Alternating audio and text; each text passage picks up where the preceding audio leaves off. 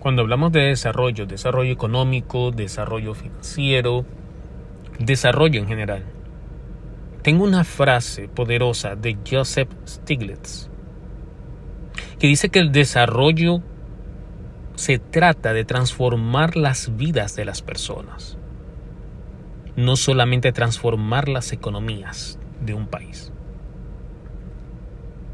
Desarrollo se trata de transformar la vida de las personas y no solo transformar la economía de un país.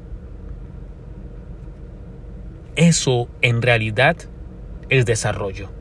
No puedes desarrollar una economía si las personas que viven en un país no están desarrolladas, si sus vidas no han sido transformadas para mejor. No puede haber una mejor economía. Muchas veces políticos, consultores tratan de mejorar los indicadores económicos sin mejorar los indicadores de desarrollo humano, cuando en realidad funciona diferente, funciona de una forma opuesta funciona de esta manera.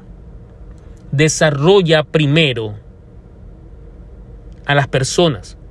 Primero es el desarrollo humano, porque luego como consecuencia viene el desarrollo económico de las personas, de los negocios y por ende el desarrollo económico de una ciudad o un país.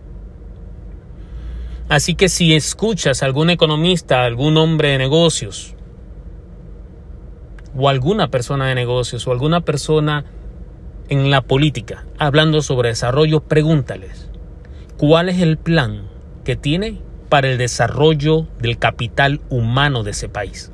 Porque solamente así sabrás si en realidad va a haber un desarrollo y crecimiento económico en ese país.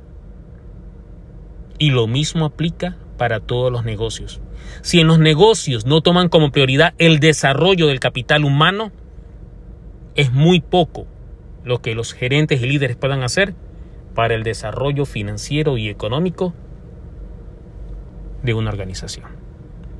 Ya sabes, el desarrollo se trata de transformar la vida de las personas, no solamente transformar la economía.